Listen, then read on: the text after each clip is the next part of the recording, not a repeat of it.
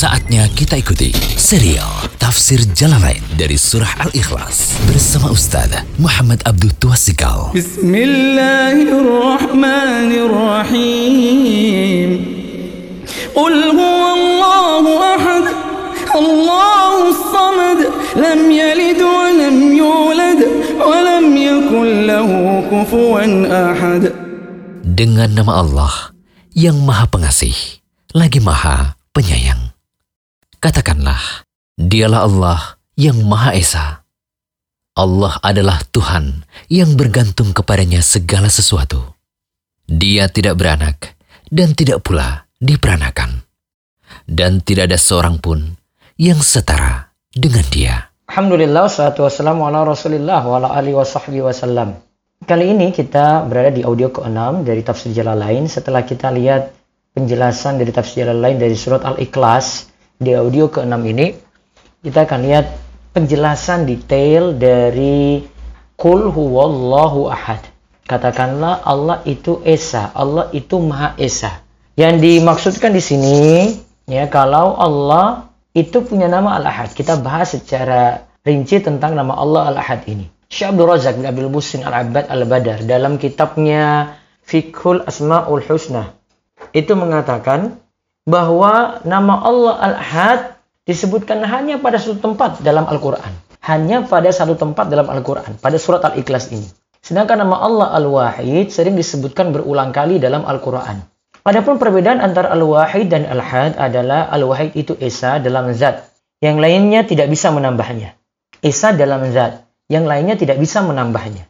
Sedangkan al-ahad adalah esa dalam makna yang tidak ada yang berserikat dengan Allah di dalamnya. Yang tidak ada yang berserikat dengan Allah di dalamnya. Adapun beberapa catatan dari nama Allah al-ahad dan al-wahid. Pertama, nama Allah itu al-ahad dan al-wahid. Maksudnya untuk meniadakan. Meniadakan Allah dari yang semisal, tandingan, dan yang setara dengan Allah. Seperti disebutkan dalam ayat hal ta'lamu lahu samiyah. Surat Maryam ayat 65. Apakah kamu mengetahui ada seorang yang sama dengan Allah yang patut untuk disembah?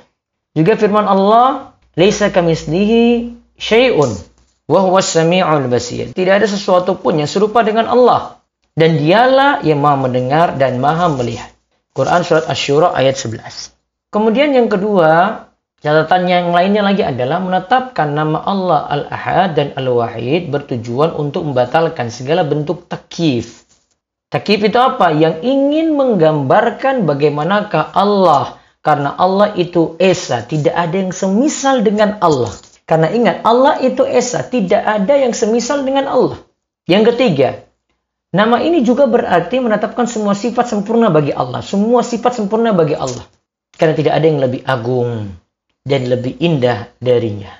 Yang keempat, dalam nama tersebut menunjukkan bahwa sifat-sifat Allah itu yang paling puncak dan paling sempurna. Sebagaimana disebutkan dalam ayat wa anna ila rabbikal muntaha. Surat An-Najm ayat 42 dan bahwasanya kepada Rabb mula kesudahan segala sesuatu. Walillahil masalul a'la dan Allah mempunyai sifat yang maha tinggi Quran Surat An-Nahl ayat 60.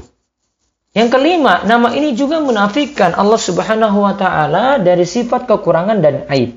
Karena Allah yang ahad berarti Allah bersendirian dalam sifatnya yang sempurna, tidak semisal dengan apa pun. Makanya Allah menyatakan pula Subhanahu huwallahul wahidul qahhar. Maha suci Allah, dialah yang Maha Esa, lagi maha mengalahkan. Az-Zumar ayat 4. Lalu yang keenam dari nama ini wajib menetapkan keesaan Allah yang sempurna dalam zat, sifat, perbuatan, serta keyakinan dalam hati. Yang ketujuh dari nama ini wajib mengesahkan ibadah kepada Allah dan ikhlas kepadanya. Karena Allah itu Esa dalam mencipta, memberi rizki, memberi segala nikmat, menghalangi sampai pada mematikan. Makanya Allah semata yang patut diibadahi. Yang kedelapan, ini sebagai bantahan kepada orang musyrik.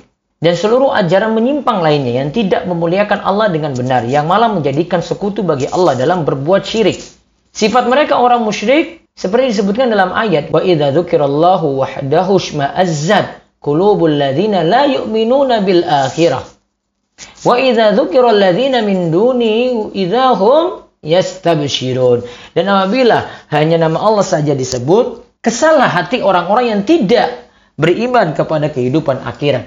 Dan apabila nama sembahan-sembahan selain Allah yang disebut, tiba-tiba mereka bergirang hati. Az-Zumar ayat 45. Begitu juga Allah katakan wa idza dzakarta rabbaka fil qur'ani wahdahu wallau ala adbarihim nufura. Dan apabila kamu menyebut Rabbmu saja dalam Al-Quran, misalnya mereka berpaling ke belakang karena bencinya. Surat Al-Isra ayat 46. Juga Allah katakan dalam surat Ghafir ayat 12, surat Al-Mu'min, Zalikum bi annahu idza du'iyallahu wahdahu kafartum. Wa in yushrak bihi tu'minu.